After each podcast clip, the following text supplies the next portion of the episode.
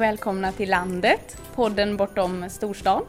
Idag så spelar vi in podden med livepublik och vi ska framtidsspana och vi ska nutidsspana tillsammans med Karina. Hej, Karina Lövgren heter jag, jobbar på tidningen Land. Jag är chefredaktör där sedan ett år tillbaka men har jobbat på Land i 11 år. Jag brinner för eh, landläsarna framförallt och eh, landsbygdsfolket. Kan säga att det närmaste bonde jag kommer är att jag kan jag är stolt över att kunna backa med släp. Det känner jag närmaste bonden jag kommer tror jag.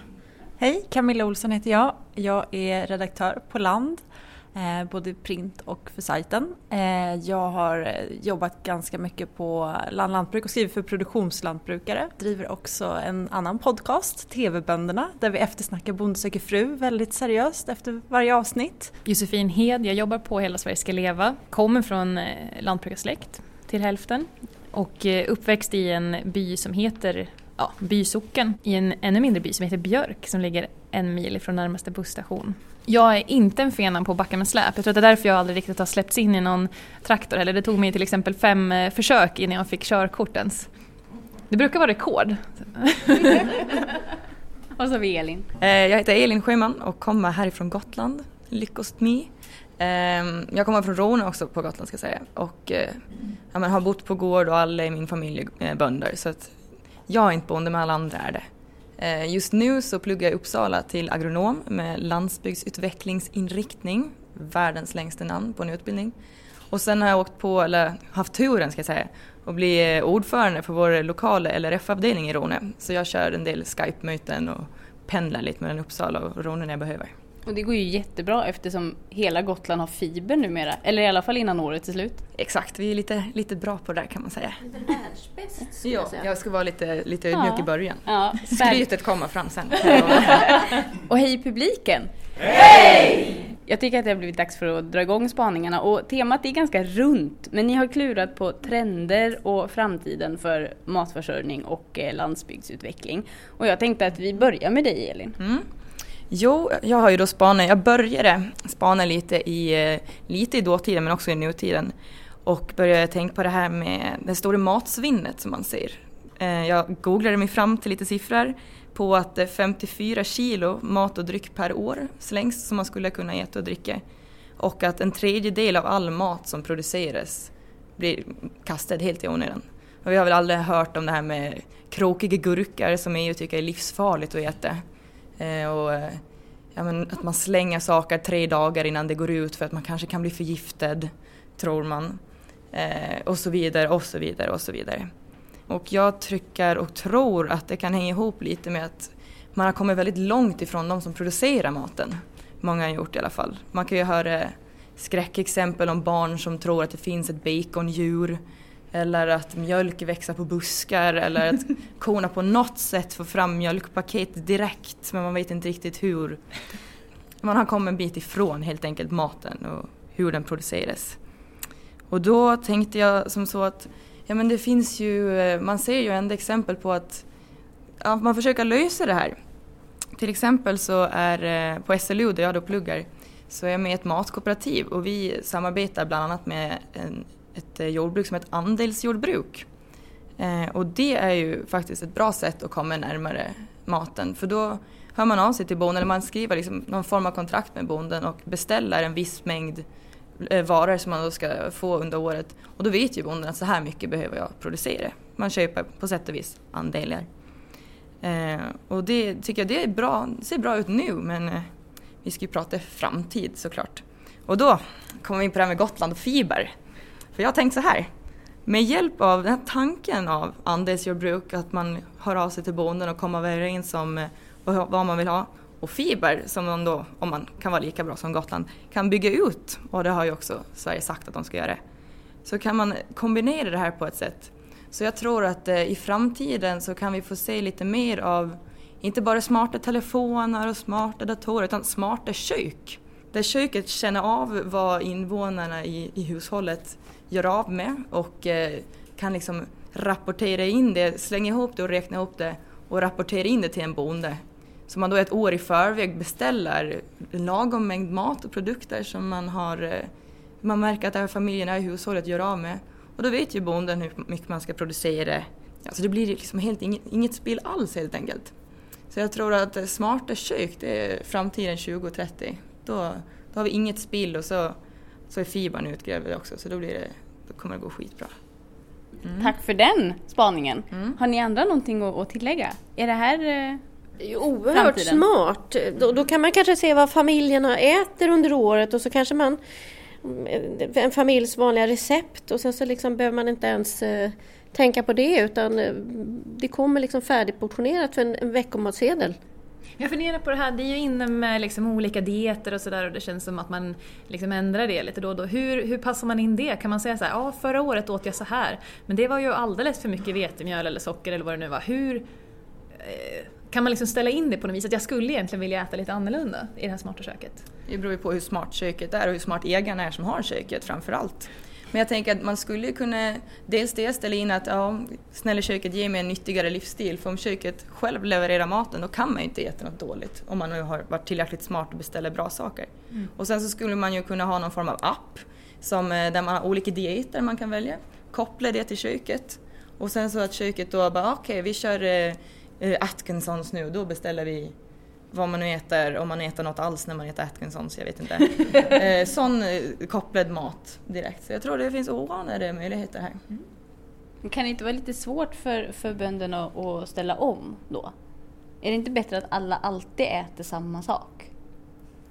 Mm, det beror på om man vet att man ska få skörd. För det kan ju vara svårt att lägga om från sockerbetor till eh, mjölkproduktion på ett år, tänker jag.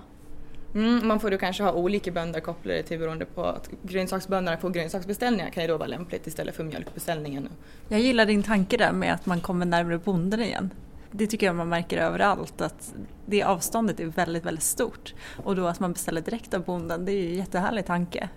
Eh, idag finns det ju köttlådor bland annat men det här skulle vara liksom hela matförsörjningen direkt. Det kan ju då ingå som en del av upplevelseturismen också att man när man fattar ett avtal med en bonde att man får åka ut på gården och se hur, hur saker ser, till, eh, ser ut och hur det produceras. Och sen också att man på så sätt kapar bort många mellanhänder som tar mycket av vinsten som skulle kunna varit vinst. En annan sak där också som jag också kommer att tänka på det är att många lantbrukare, många skördare, skördare alltså som man använder ute på åkrarna, de är ju också kopplade till moln eh, hos de stora företagen. Så att eh, skörden går direkt upp, liksom, hur mycket har du liksom fått av vetet eller så. Eh, allt sånt data sparas och samlas så det skulle också ganska lätt kunna kopplas till konsumenternas efterfrågan kom på att vi har ju varit på en del sådana här dragningar om eh, den digitala framtiden. Och din idé är inte så långt bort för att eh, framtiden kommer bestå av eh, skärmar. På bordsskivor, på kylskåp där det, står, där det redan finns fungerande vad har du i kylskåpet, nu är det dags att beställa. Mm. Så det är redan här faktiskt. Så det är bara bondebiten som ska till. Och med det här, med det här bredbandet på fibern som ni har på Gotland så är det ju ganska nära skulle jag säga.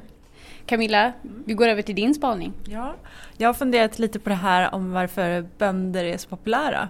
Eh, helt plötsligt så finns de överallt känns det som. Fastän lite som, som vi har varit inne på precis att, att kanske avståndet också är väldigt stort så finns det ändå ett intresse för bonden.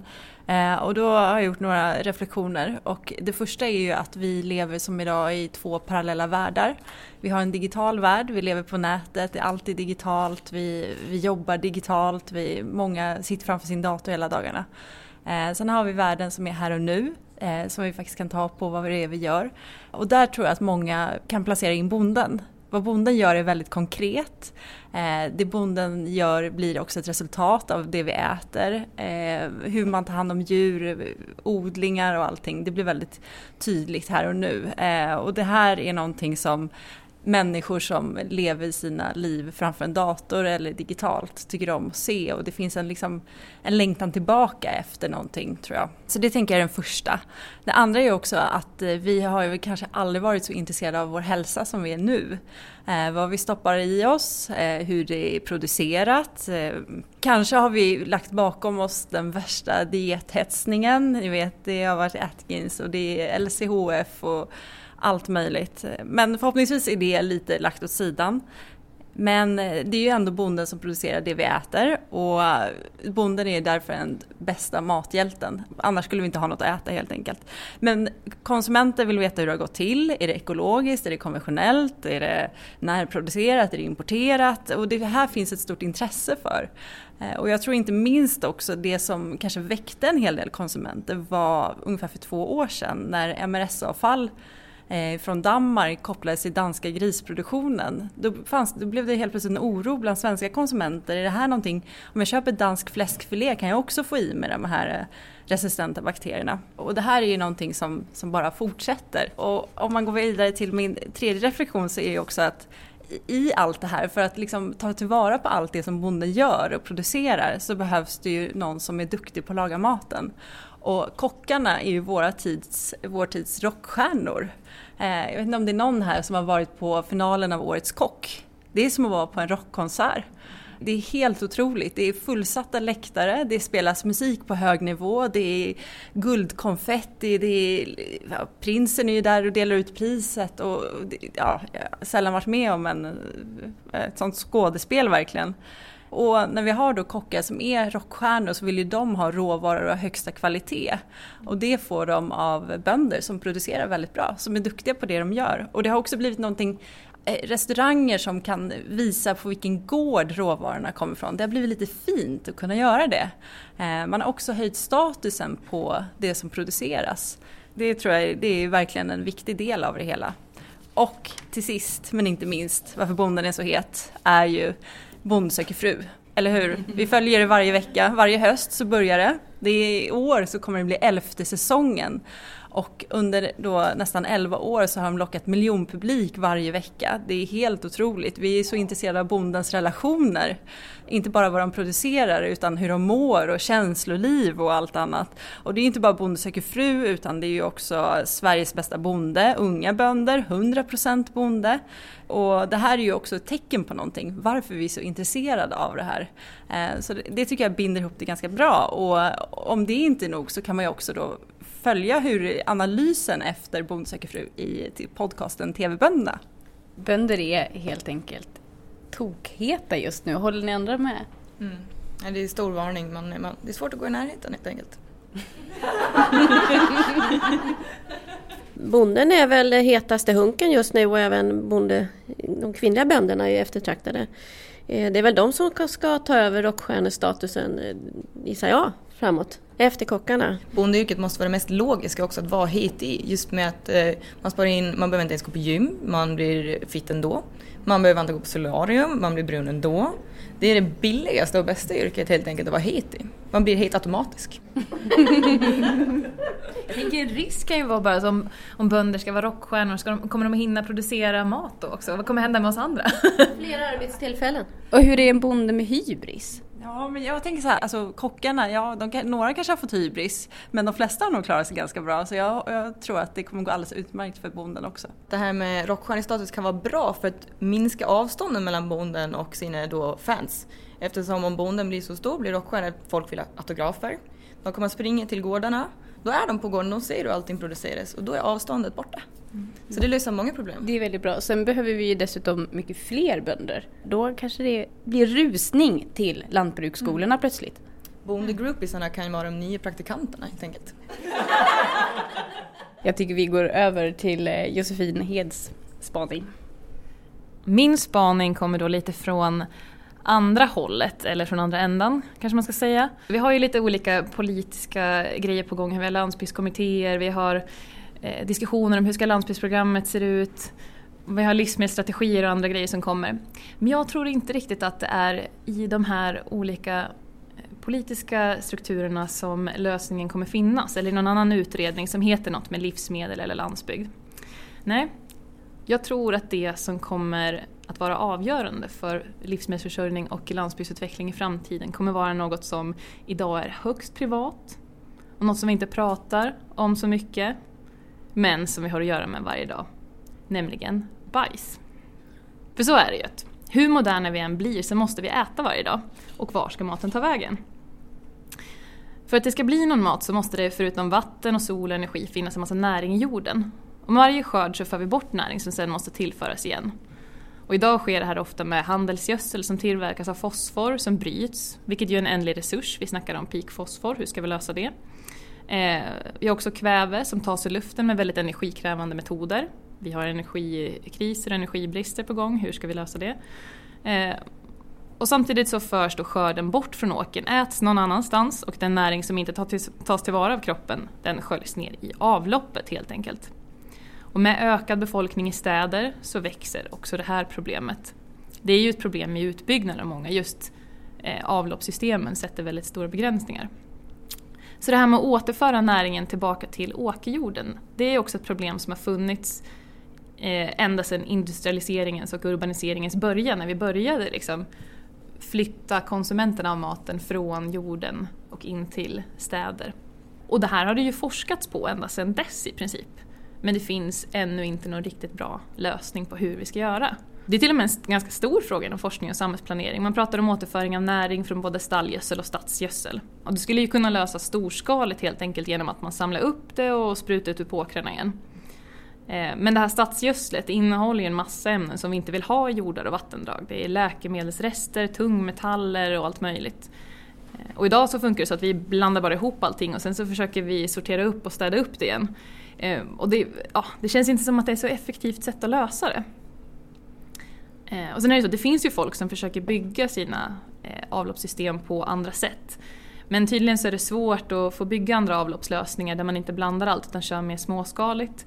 Eh, och ett argument som folk har fått höra då, som har försökt, det är att eh, när man söker tillstånd och sådär att ja men om du bygger så här, har en urinseparerande toalett Eh, till exempel och någon slags alternativ lösning då kommer inte, du, visst du är intresserad och kommer att sköta det här men sen när du ska sälja det, de kommer inte vilja ha så här. Det här huset kommer inte gå att sälja om du gör så här. Så att du får inget tillstånd, det är för ditt eget bästa helt enkelt. Och jag tror ju att ett problem här är att vi inte pratar om de här sakerna. Att det är lite så här, det är ändå, vi har börjat prata om mat liksom, de senaste åren och det har blivit mer, vi pratar om matens kvalitet och olika sätt att producera mat och det finns ett väldigt intresse för det här.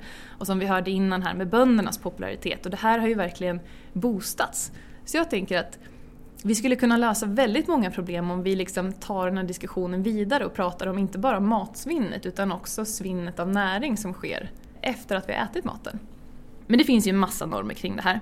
Att ha en sån här urinseparerande toalett till exempel, det är för många en väldigt konstig sak. Och det är lite så att vi vill helst inte riktigt eh, se vad som händer liksom med det här med bajset. Och vi vill bara spola ner och sen har det försvunnit, vi vill inte prata om det. Och, ja, sådär. och det är skulle jag säga ett tydligt drag i hela det moderna samhället. Vi vill så mycket som möjligt dölja att vi är kopplade till resten av naturen. Men jag skulle vilja säga att det här med ätande och bajsande, det är liksom, vi vet om det. Att vi vet vad som händer jag ser att du äter, jag vet vad du kommer göra sen. Liksom. det är oemotstridliga bevis på att oavsett hur kulturella, häftiga vi blir, hur coola kläder vi har, hur coola jobb vi har, så kommer vi aldrig kunna eh, komma ifrån det här att vi måste äta och vi måste bajsa och vi måste göra en hel massa andra grejer också. Uppenbarligen så har liksom inte forskningen eller samhällsplaneringen riktigt kunnat lösa det här Eh, på något bra sätt. Så jag tänker att de bästa lösningarna de brukar oftast komma från vanligt folk när man sitter och filosoferar och kommer på bra idéer. Så jag, tänkte lite, jag har blivit lite inspirerad av olika så sätt att lyfta intresset för mat. Till exempel, alltså middagen är ju det största forumet, alltså bjuda på god mat och man samlas och pratar och umgås och kommer på en massa bra idéer. Och så tänker jag på så här, eh, dassen med en massa olika hål när man sitter och filosoferar. Det kanske skulle vara någonting.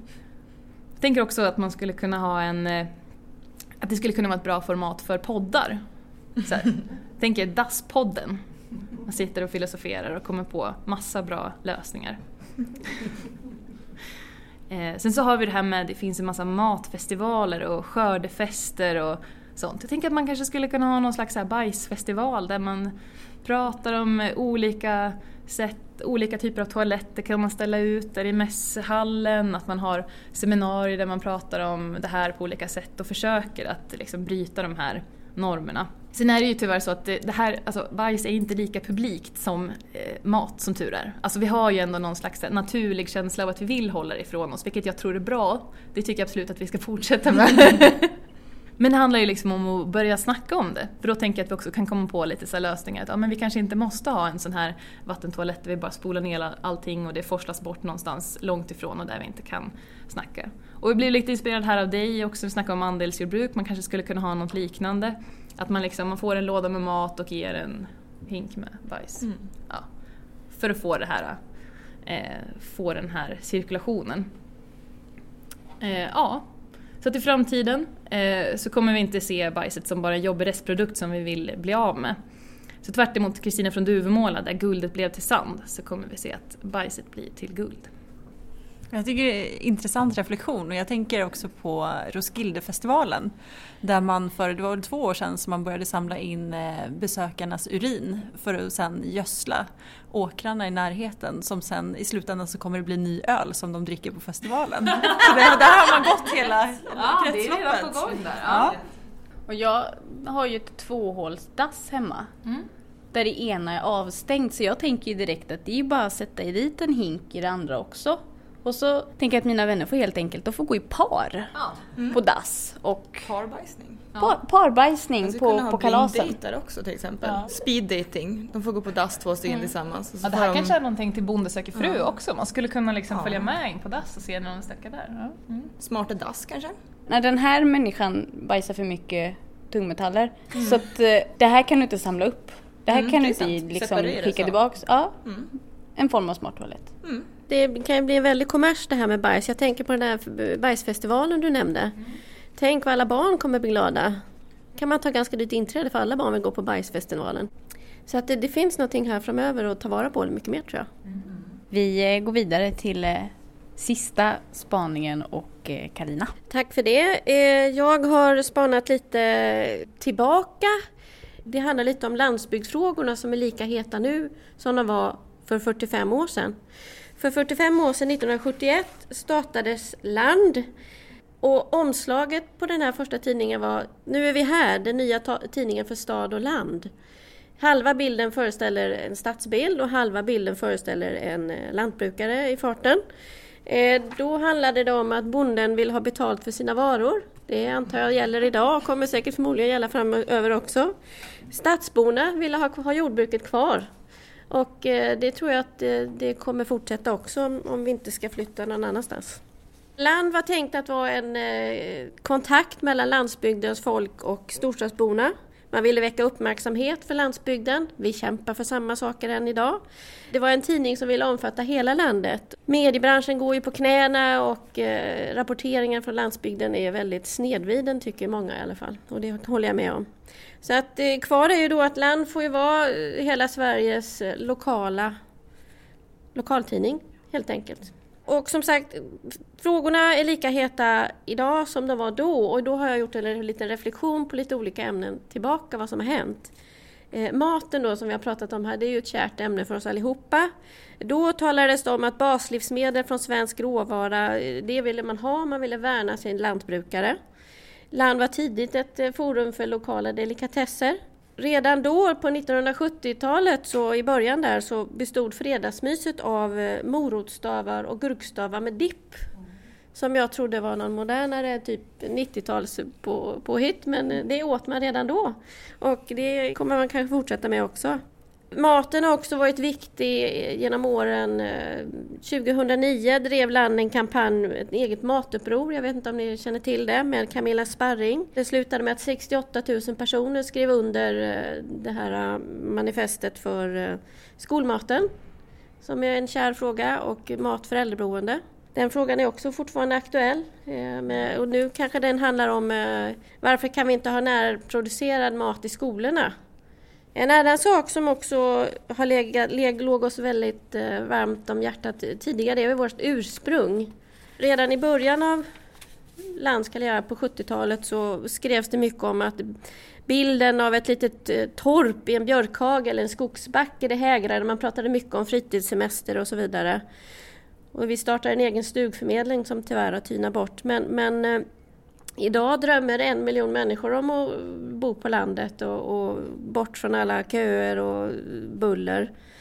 Gamla hantverk är inne igen, precis som det var då. Eh, stickjuntan eh, jobbar ju på och alla vill bygga sin egen gärdsgård. Och en annan hjärtefråga som, som många brinner för det är ju skolan. Och eh, bybo, byskolorna var hotade redan då på samma sätt som de är nu. I land kunde man läsa Låt oss vända på skolskjutsen och låta stadsbarnen åka till nedläggningshotade mindre skolor på landet, sa kommunalmännen i Mjölby. Malmaskolan i Kolsva har gjort så som Mjölbygubbarna ville och vänt på skjutsen för att få fler att trivas. Det funkar jättebra. Gröna vågen är ju också väldigt hett just nu. Det är ju liksom... Aldrig har väl tidningen Land varit så inne som den är just nu. Och, eh, det var ju just Land som startade det här, myntade det här uttrycket gröna vågen 1971. Ja, som sagt, eh, trenden att eh, värna vår miljö, äta eko, vara klimatsmart, det är ju jättemodernt. Och eh, vem vill inte testa på att vara månskensbonde eller köra ett eget självhushåll? Öppna landskap, det är ju Astrid Lindgrens hjärtefråga som hon drev 1993 när hon, vi samlade in tillsammans med Land 50 000 underskrivna vykort till förmån för att bevara det öppna landskapet. Dagens mjölkkris har ju återigen satt landskapet i, i fokus. Inga kor, inga öppna landskap.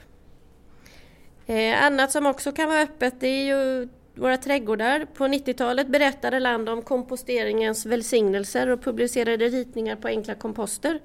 Det var ju inget nytt men eh, uppmärksamheten om denna fördelaktiga nymodighet eh, började rycka i trädgårdssverige och vi startade en arrangemang som heter Öppen trädgård. Det var 25 år sedan. Vi har haft många kamper genom åren och det är så roligt och vi kommer fortsätta ha det. Lantis 2.0 är en modern kreativ landsbygdsbo som tror på sina lantliga drömmar och vågar gå mot strömmen. Jag tycker att landsbygden har en eh, nyckelroll även i framtiden och det är lantbrukarna som har makten. Det välutbildade folket i storstan kan och ger oss ingen mat på bordet än. Som vi pratar om, bonden är het och kommer alltid vara. Vi klarar oss inte utan bonden. Kommer vi fortsätta prata om mjölkpriserna om 40 år? På ett sätt så kunde den här framsidan vara kanske från idag? Ja. Eller härom året eller? Jag tror att det, eh, det kommer fortgå. På ett sätt är ju det lite dystopiskt, eller? Ska vi fortfarande behöva slåss för mjölkpriser till exempel? Jag tycker inte man ska vara så blyg med svenska delikatesser. Varför, varför ska vi härma efter italienska var, alltså varumärken och döpa våra, våra italienska eller svenska delikatesser med italienska namn. Varför kan vi inte hitta på svenska namn och, och, och, lyfta fram dem? I Värmland tar de 35 kronor liter för mjölken. Det går bra. I speciella förpackningar tror jag de har. Paketera våra livsmedel på ett annat sätt så att man liksom kan uh, få ut dem bättre. Mm, det är en lösning. Man brukar prata om tredje gången gilt, så den här gången kanske vi lär oss någonting av historien. Jag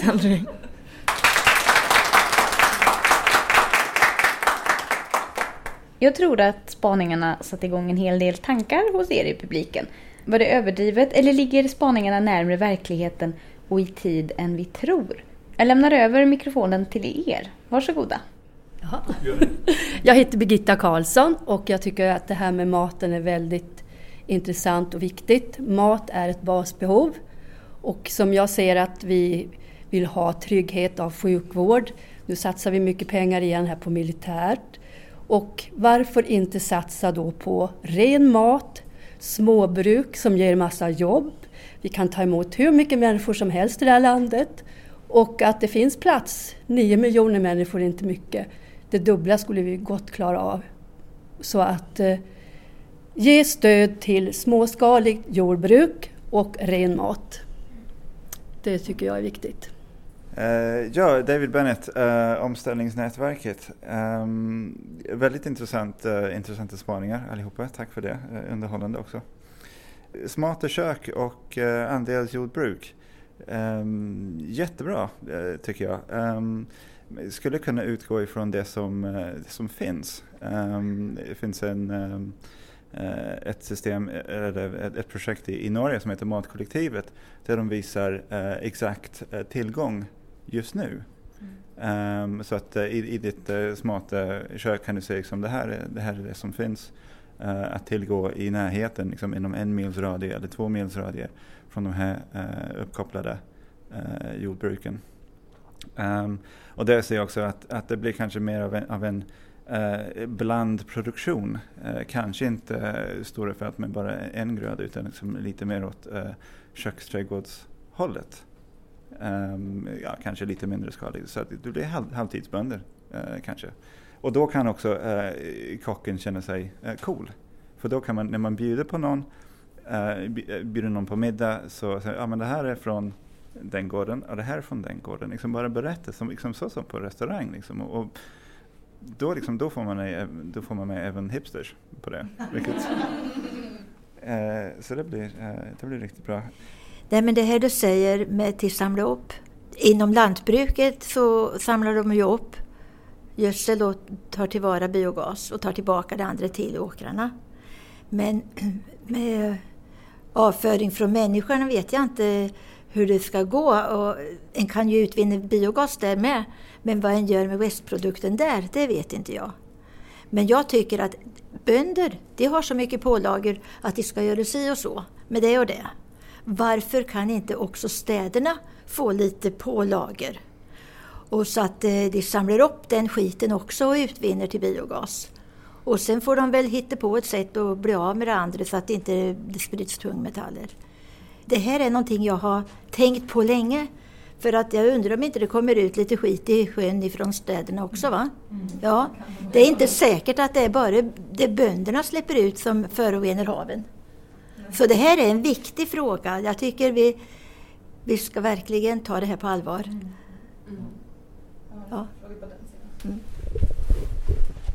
Ja, Nils-Erik Norrby heter jag, biolog och kan tillägga då som svar på din fråga här att restprodukter från biogasframställning är en utmärkt gödselråvara till lantbruket och också används inom lantbruket idag.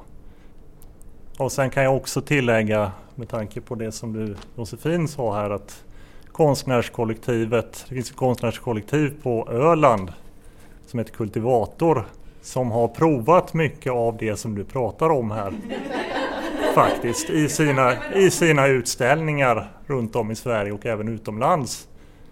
Genom att med konstnärlig, konstnärlig kreativitet föra upp de här frågorna om mänskliga exkrementer och så vidare och hur man får tillbaka dem till jordbruket. Det har man alltså fått in i en konstnärlig kontext för att väcka människors engagemang.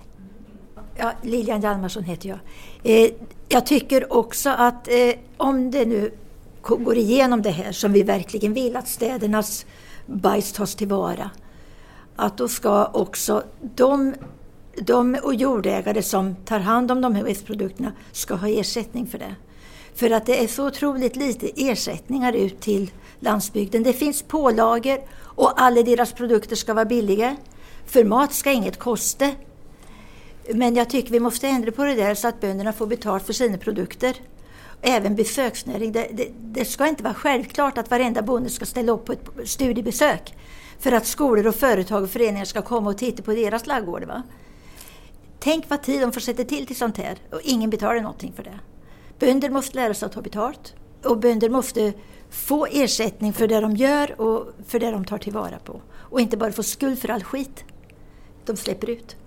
Mm. Det måste bli rättvisa. För att få en förståelse bland den breda allmänheten som kanske inte möter lantbrukare särskilt ofta eller kanske aldrig möter lantbrukare idag.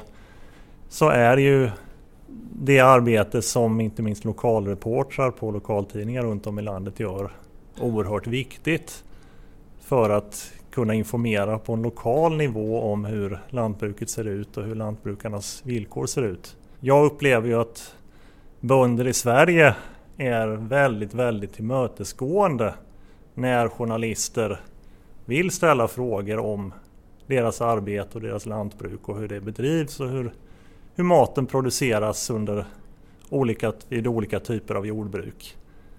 Det, det, upplever jag i mitt arbete, det vet jag att många av mina kollegor också gör.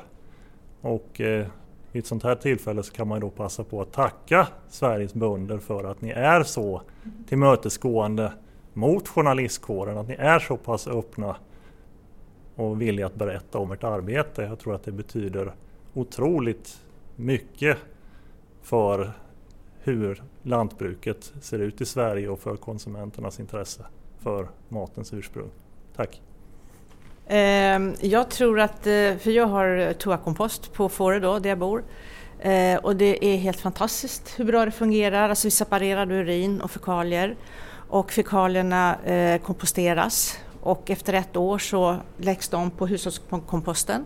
Och efter två år har man en fantastisk jord som jag då gödslar med på, på landen och sådär. Ehm, och det är, det är inte svårt att hantera, det luktar ingenting, det är lätt. Och, eh, vid något tillfälle när vi hade lagt på då den här eh, ettårs eh, toakomposten på hushållskomposten och så eh, vevat runt med högaffeln så stack jag in handen i det där och då var det alldeles varmt.